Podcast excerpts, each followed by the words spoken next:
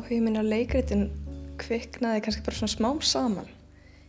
Ég hef alltaf haft mjög gaman að þið fara í leikhús en leikritun og, og leikhús er ekkert endilega sama og það var ekki fyrir en ég byrjaði að lesa leikrit sem ég áttaði mig á, á í rauninni muninum á leikritun og, og leikhúsi því þetta er svo strípað og, og opið form í rauninni þegar maður lesa þetta á bladi.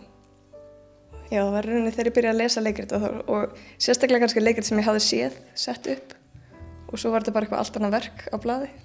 Það var svona átt að missa á aðkomi leikstjórans og, og listaræna aðstandanda hversu stórt hlutverk þeir spila í rauninni og svo á sama tíma hversu opið form þetta er og, og svona hversu margir möguleikar fylast í leikritinu þegar maður les það. Mér finnst það rosalega gaman að lesa leikrit sem eru með okkur svona ákveðinu takti. Ég á það kannski gott að nefna mitt Söru Kane. Svona það er áhugavert að sjá hvernig hún leikur sér að, að takti í orðum og, og, og setningum og, og að lesa leikrit með það í huga og líka bara í rauninni að lesa öll leikrit með taktin í huga. Já, það er þetta opna form sem heitla mig. Hvað þetta er berstrýpað en samt svo sneisa fullt af efni sneisa fullt af upplýsingum en ekkert of mikið af upplýsingum samt. Þú kaffærir ekki leikstjóran. Segir Halla Þórlaug Óskarstóttir, myndlistamadur og leikskáld. Leikritun er bókmyndagrein sem í flestra huga er fyrst og fremst ritun leikteksta sem handrita leiksýningu og nær ekki fullgildingu fyrir en á sviðinu í tólku leikursfólks. Enda getur hver og eitt leikópur hverju sinni tekið verk sínum tökum í tólkun. Leikritið sjálft er samt sem áður sjálfstæð livssköpun sem lesendur eiga að geta notið millilega laust ef því er að stifta. En þó er það svo að útgáfa leikrit á íslensku frum samina sem þýðinga hefur verið skriktjótt á Íslandi í gegnum tíðina. Þorvaldur Kristinsson, reittstjóri og reittöfundur. Það sem enginnir íslenska leikrita útgáfu, allt mitt minni sem er núna verða rúm 60 ár, það er hversu brotinn og skrikkjótt hún er, hversu margi bláþræðir er í þeirri útgáfu hvernig svo útgáfa kemur og fer. Já, það er eiginlega þannig sem ég sé þetta fyrir mig. Ég man að sem barn ólst ég upp við helja mikið og gott safn, leikrættasafn menningasjóðs sem var framtak hérna ofnbæru útgáfu ríkisins um, um miðja síðustu öld og alltaf hafa verið gefin út leikrit og næri alltaf þau sem hafa náð vinseldum og sviði og góðu heitli þá eigum við í, í útgáfu sem heimild eh, handa almenningi á söfnum stök leikrit eftir menni eins og Jökul Jakobsson, Birgir Sigursson, Ramildi Hagalín og fleiri og fleiri. En það er mjög erfitt að benda á samfellu og ásetning eða ástríðu í þessari útgáfu. Eh, þó er þarna kapli frá setni árum sem er mjög merkilegur og það er útgáfa Bjars og frú Emilju eh, undir lokaldarinnar síðustu á leikritum sem þeir bræður Haflið og Snæbjörn Argrímsson munu hafa átt mestan þátt í. Og því var síðan haldið áfram trúlega engum að undirlagi Hafliða í borgarleikúsinu þar var mikið gefuð út og, og merkilegt og þar byrstust þýðingar líka sem ég finnst mjög mikilvægt að komi fyrir almenningssjónir á íslensku, góðar þýðingar klassiskra verka. Hafliði Argrímsson, leikstjóri og dramatúrk. Þetta byrjaði nú með uh, þegar við Guðjón Petrinsen stopnaði frú Emilju ykkur tíman á síðustu öld og uh, þá ákvað um við að gefa út leik, leiktekstan Hugmyndin er kannski miklu eldri. Ég sá það þegar var við nám í, í Vínaborg í Östuríki að bæði Östuríkismenn og, og þjóðverðin og fleiri voru mjög dugleir við að gefa út leikteksta og þetta er endar mjög gömul hefð þar. Þar var náðungi sem að stopnaði bókaútgáfa beilinist til að gefa út klassísk leikrit sem heitir reklamútgáfan og það voru alvöru vasa brotsbækur, miklu minni heldur en svona þriðjungi minni heldur en svona þessa vennilögu kiljur okkar.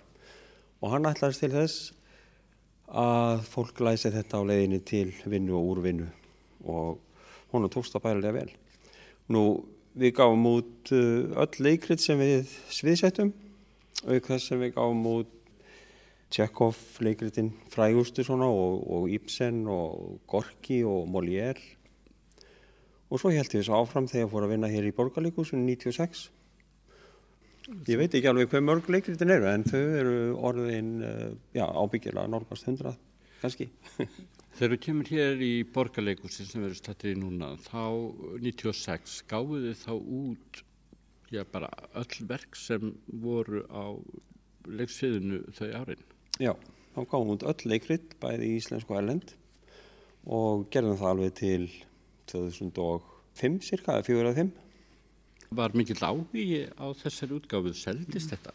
Mm, þetta kannski seldist rólega, skulum við segja, en uh, þetta er sko, sko hluti af leikskráni og, það, og til þess að koma leikritum á framfæri sem er svona einhvers konar uh, texti sem er ekkert í, í hverju hill í bókabúð hér á Íslandi minnst kosti og það er ekkert stór hópur kannski sem er að, að sem eldist við leikrit en það er samt mikilvægt að einhvern veginn fannst mér að koma þessari, þessum text einhvern veginn á framfæri og sína fólki hvernig leikrit líta út á prenti.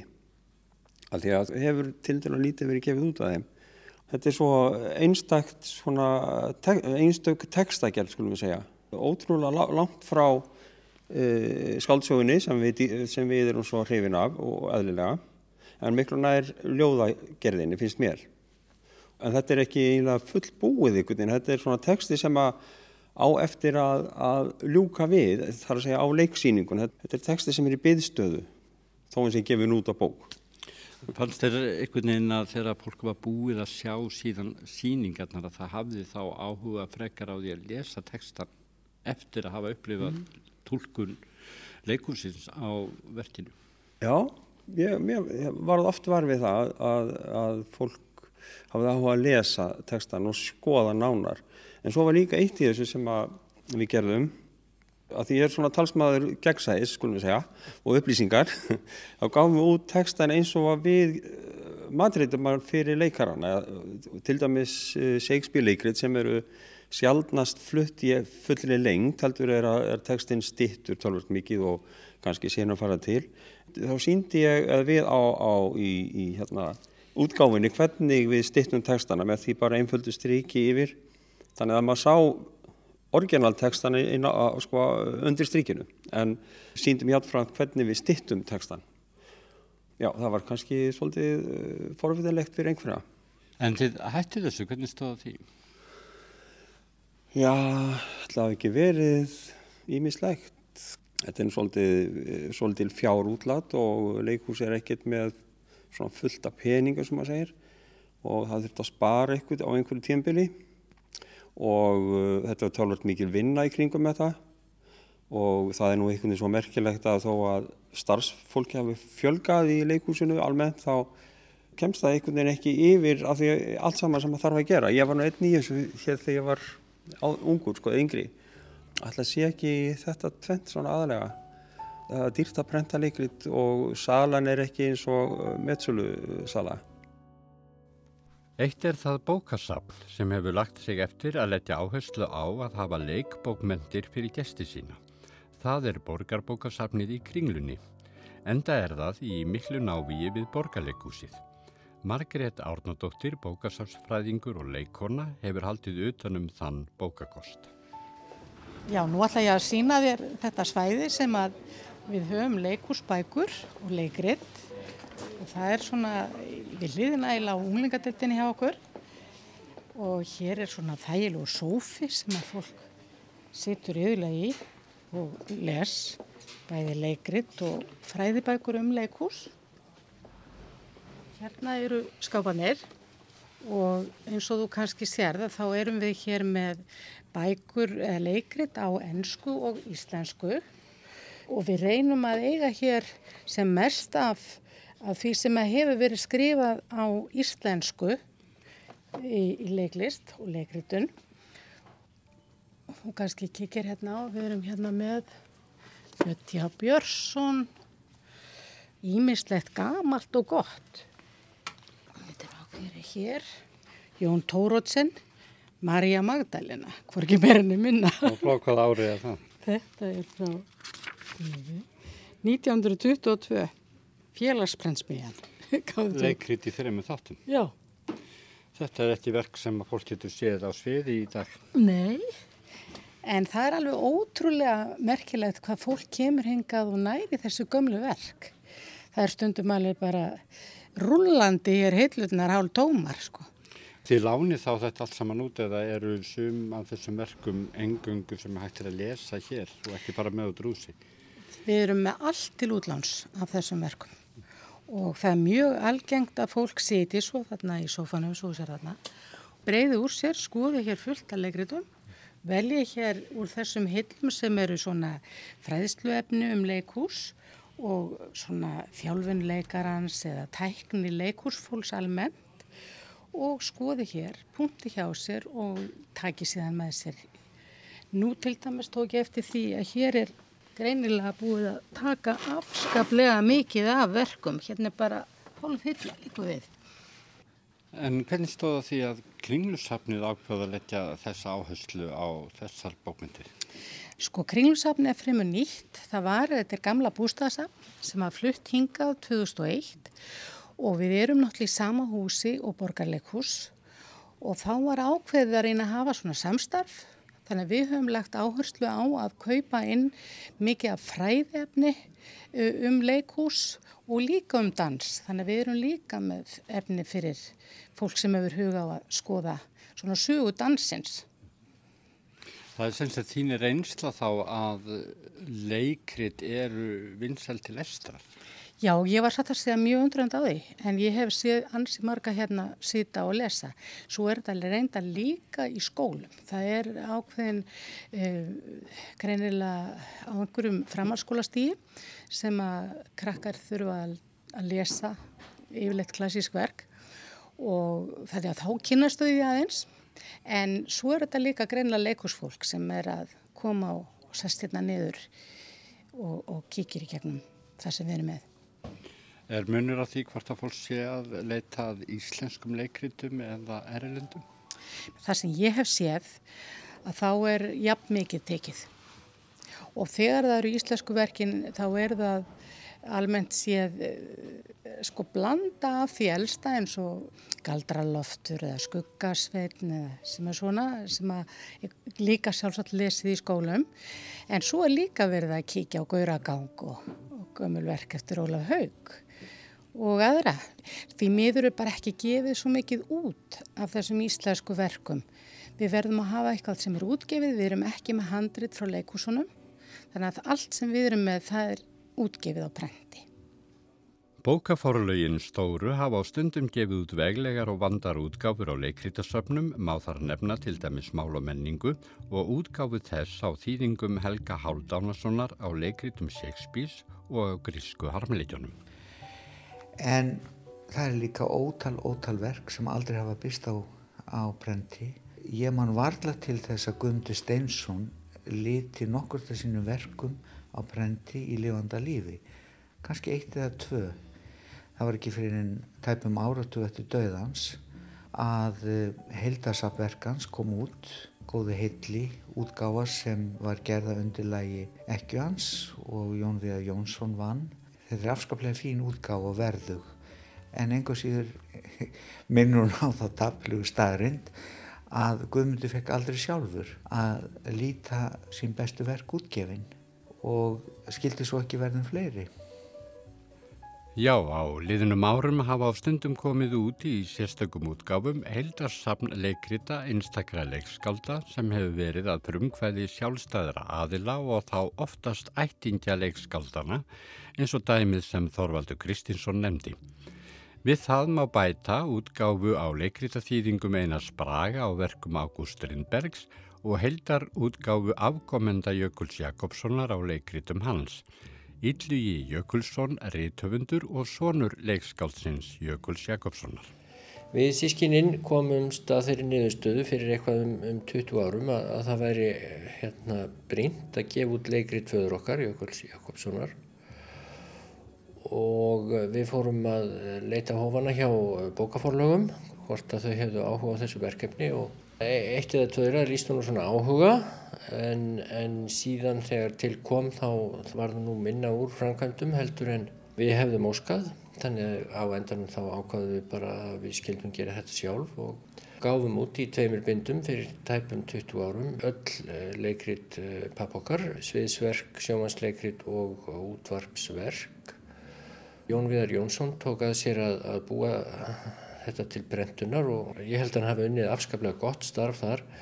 Pappi vann nú þannig að, að hann var einlegt satt í leikhúsinu og fylgdist með æfingum og skipti sér af því sem, leik, sem uh, leikstjóru og leikarar voru að gera og, og var alveg til í að breyta fram á síðustu stundu og svo fara meist þannig að það var ekkert einfalt mála að finna svona eitthvað sem gæti kallast loka handrit.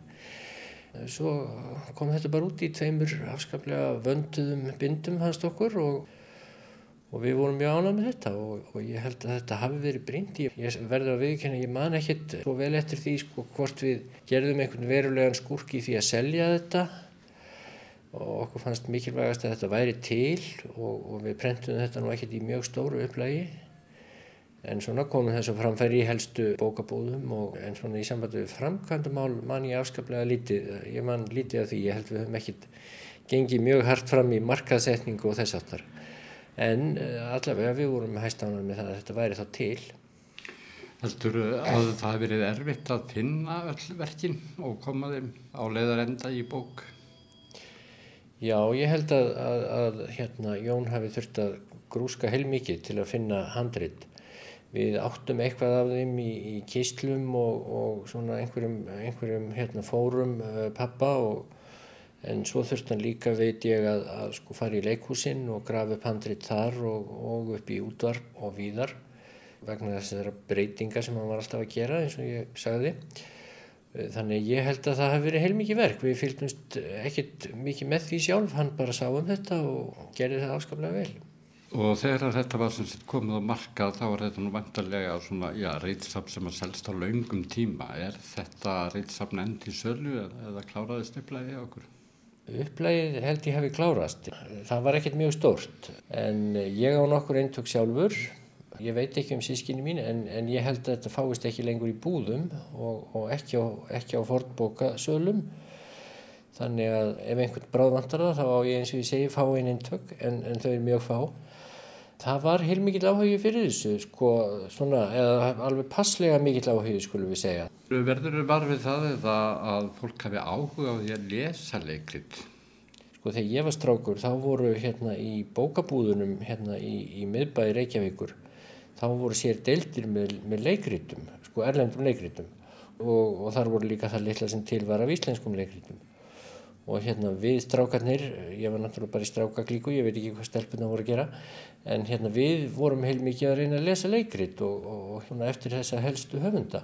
En nú bara er það hending ef maður sér í bókabúðum erlend leikrit, þannig að ég er hrettur um að áhugin hljóti eitthvað að hafa minkað því meður.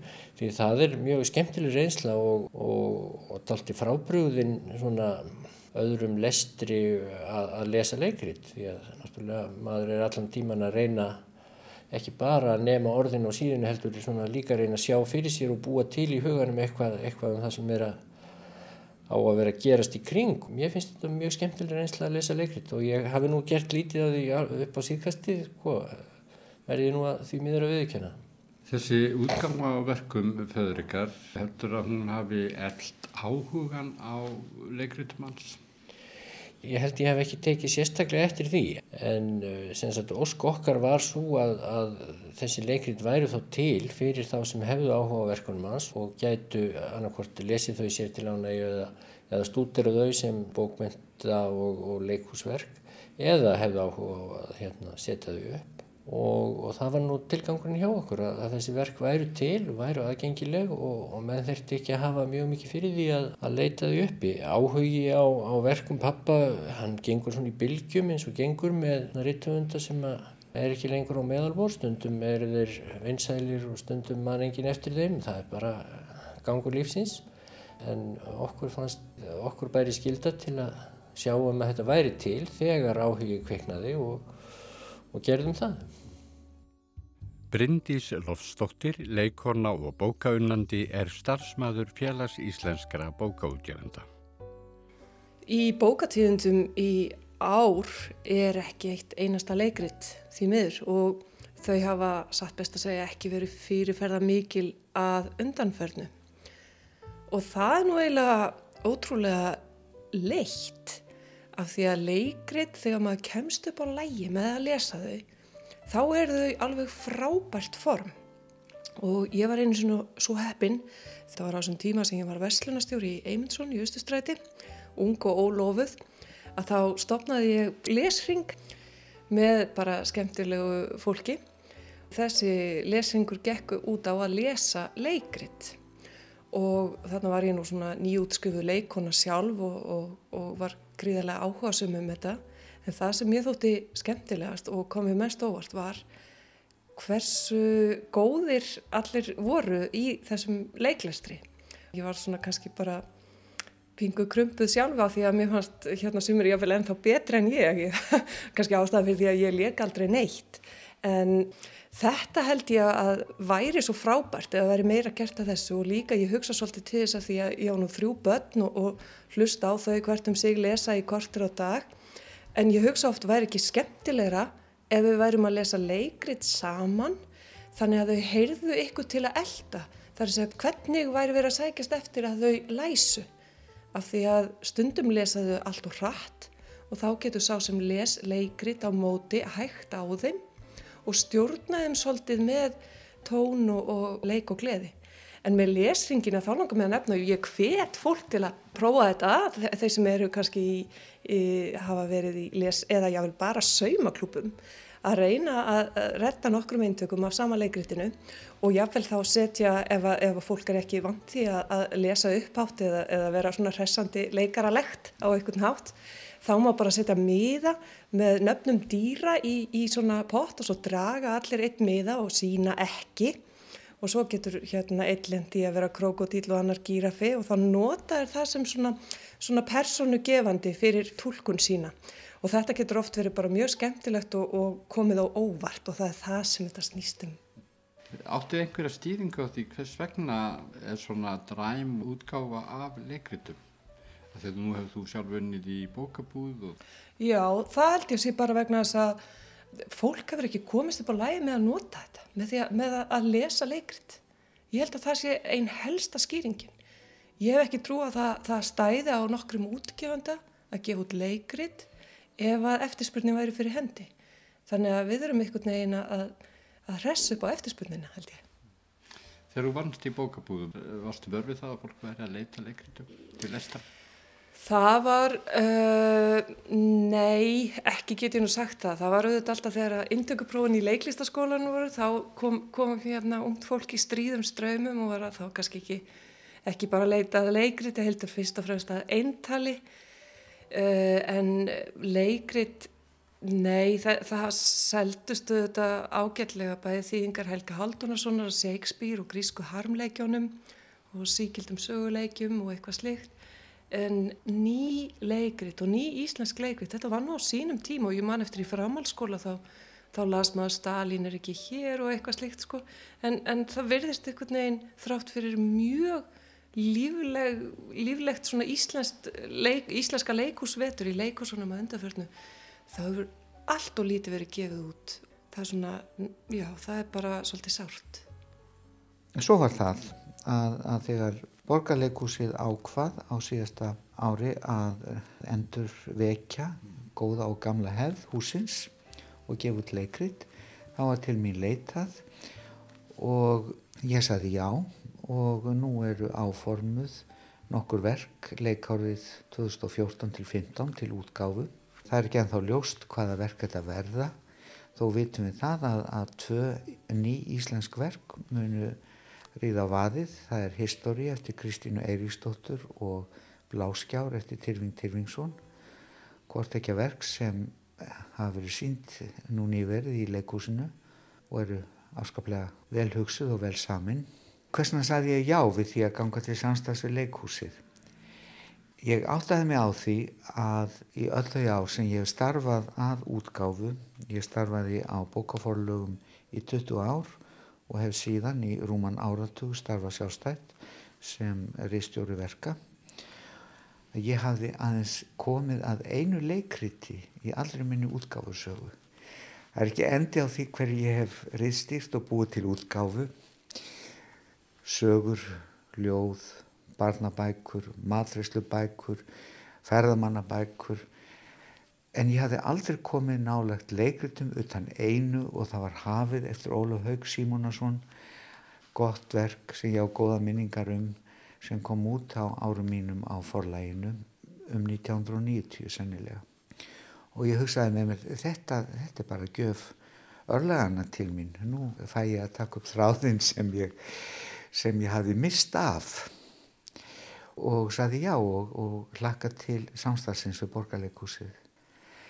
En hvað veldur því að þessi saga er svo skrikkjótt og í rauninni veikburða með aðra kabla í útgáfarsögu Íslendinga. Ég held að, að við höfum aldrei tekist á við þá staðrind að leikritun er á vissun hátt synd á fullnægandi hátt með leiksýningu. Við höfum aldrei tekið þá umræðu hvort þar skuli staðan numi, hvort æskileg sé að nema þar staðar eða halda áfram og varveita verkin á bók og gera það að reglu frekar en undantekningu. Ég held að, að það sé ekki til neitt sem heitir andúð manna á þessari útgáfu. Ég held það ekki. Ég held að útgefendur hafi fullan hug á því og fullan skilning á því að sinna útgáfi leikrita. Ég held að leikhúsin skilji það mæta vel og þessum það stjórna og ég held að höfundum sé það eh, tímalust áhuga mál og hugssjónamál að koma sínum verkum og félaga sinna á framfæri. Vandin er sá að kannski höfum við aldrei tekið umræðu um þetta. Við höfum aldrei talað saman eh, í bróðerni, útgefendur, skáld og leikhús um mikilvægi þess að gefa út leikrit á bók. Þá spyr maður sjálfan sig, hefur lesandin áhuga á því að taka við leikritum? Það er mikill áhugi á leikritum á bók meðal Íslendinga en hann fer leint, þetta er svona eina af okkar launhelgum og lesandum er líka gert erfitt fyrir vegna þess að það er erfitt fyrir þá að koma auða reynlega á það sem út kemur vegna þess að því er sjaldan hampað Ég held að það sé það sem við þurfum að gera til þess að bæta leikrita útgáfa á Íslandi. Það er að ganga skipulega aðenni í samráði e, ólíkra aðila og vera svolítið stolt af framtæki okkar. Hugsa það heildrænt og hampaði. Hvaða á ég við þegar ég segja því að lesendur hafi áhuga á leikritum á bók? Þegar spurtur um áhuga lesenda á einu og öðru þá getum við ekki fullirt neitt um það fyrir við tökum að bjóða lesendum efni á verðugan hátt með verðugan kynningum og með tiltrú á verkefnið. Og þetta er það sem til dæmis skálsugur og ljóð hafa notið á Íslandi. Ljóðabækur seljast ekki neinum rísa upplögum en sann sem áður nokkur hundru eintök seljast af velflestum ljóðabókum sem gefin eru út á forlögun vegna þess að það fylgir þeim tiltrú. Það er nostrað við útgáfuna, það er uh, vakin henni með verðugum auglýsingum og kynningum og kannski er það þetta sem leikri það útgáfu skortir. Hanna skortir uh, tiltrú og stolt þeirra sem að verkefninu koma. Segir Þorvaldur Kristinsson. Halla Þorlaug Óskarstóttir. Já, svo var ég í mastersnámi í Reitlist í Háskóla Íslands og þá tók ég kurs hjá Lína Agnarsdóttur og við lásum mikið á leikritum í þeim kursi og það hafði ég ekki gert aður. Allavega ekki svona miklu magni, ég hafði kannski litið yfir fjallægvind eitthvað tíman en þú veist það var aldrei búin að setja mig fyrir að, að lesa leikrit. Kannski líka bara það að lesa svona mikið á leikritum í einu þá verður svona óselröður samanbörður og sjá hvað er sameigilegt og, og fer svona flokketta listform sem eitthvað alveg sérstakt og leikrit er auðvitað mismunandi og líka gaman að sjá svona mismunandi stefnur Þú veist, við vorum að lesa dúkuheimilið. Það skemmtilegasta kannski mitt, þegar við vorum að lesa mitt dúkuheimilið var að sjá svo uppfærslunar eftir á. Þú veist, við horfum á upptökur frá okkur þýskri uppfærslu sem var rosalega svona modernísk og, og flippið. Og svo sáum við upptöku á YouTube á okkur algjörlega klassískri uppfærslu. Og þetta er samt sami textin eiginlega, bara nefnum alltaf þýðing. Þá sér maður hvað þetta er opið og, og miklu möguleikar fólknir í textanum bara. Textin er á að kveikja hugmyndir og e, textin er eins og bara stríði með svona smá vísbendingum.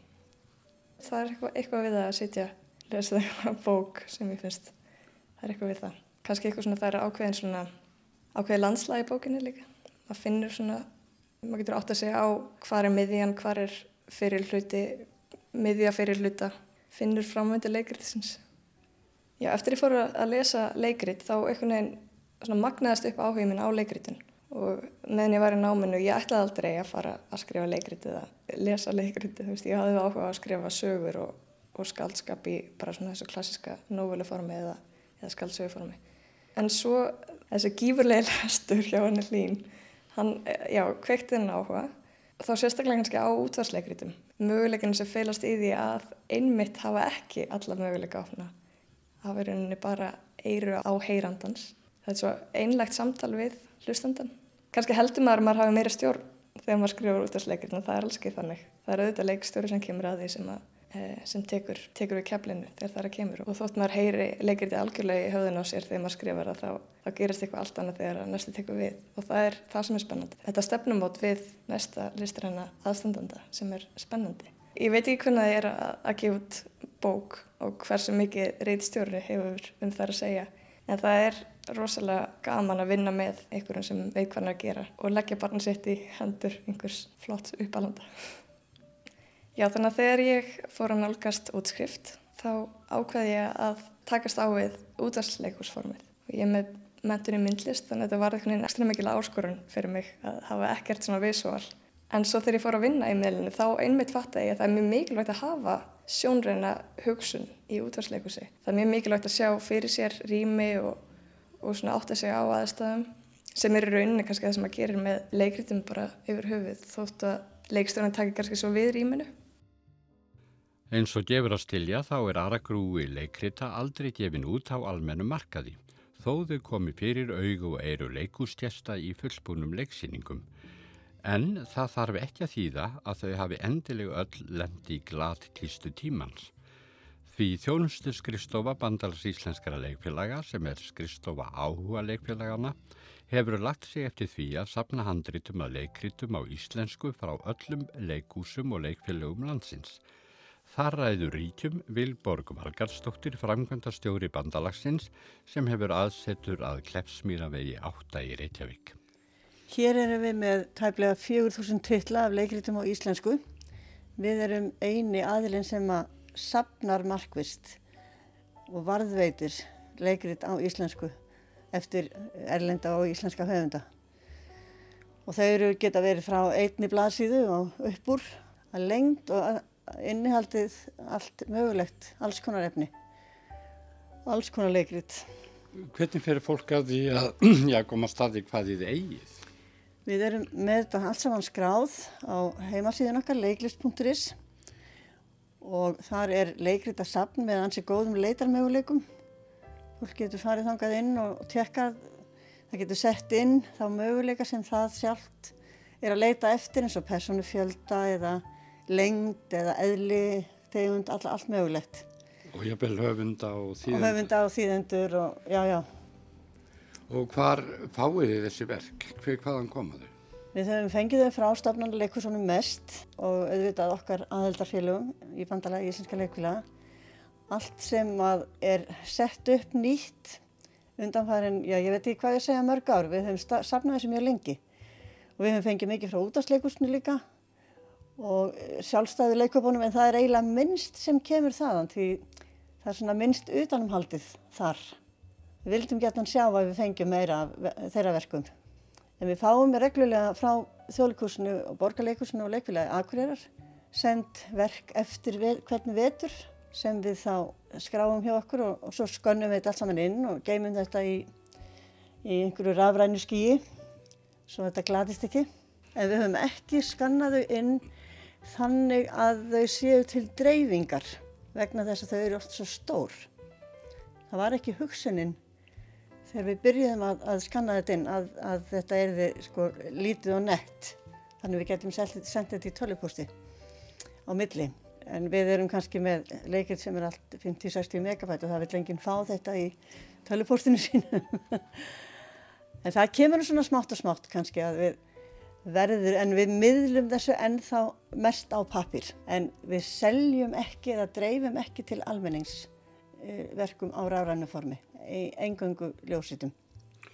Eh, þannig að fólk kemur hingað sem hefur áhuga á að lesa leikrit af ymsum ástæðum og já, sesta hér niður og lesa þau eða, eða pariðið í ljósitunumjölinu og ljósitið endtök fyrir fólk. Já, já, hvort heldur sem er. Fólk er voða mikið búið að kynna sér það á vefnum okkar fyrst áður en það kemur hvað það langar að skoða og það fær oft bunga og sest hérna við borðið hjá okkur og bladur í gegnum þetta og svo lætur það ljósa þetta fyrir sig þar sem það langar að fara með heim.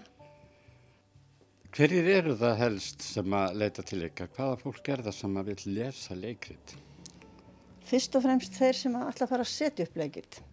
Það eru þá leikstjórar og, og það eru stjórnir leikfélaga og leiklistar áhuga fólk út um, út um all land les leikrit. Það gerir það.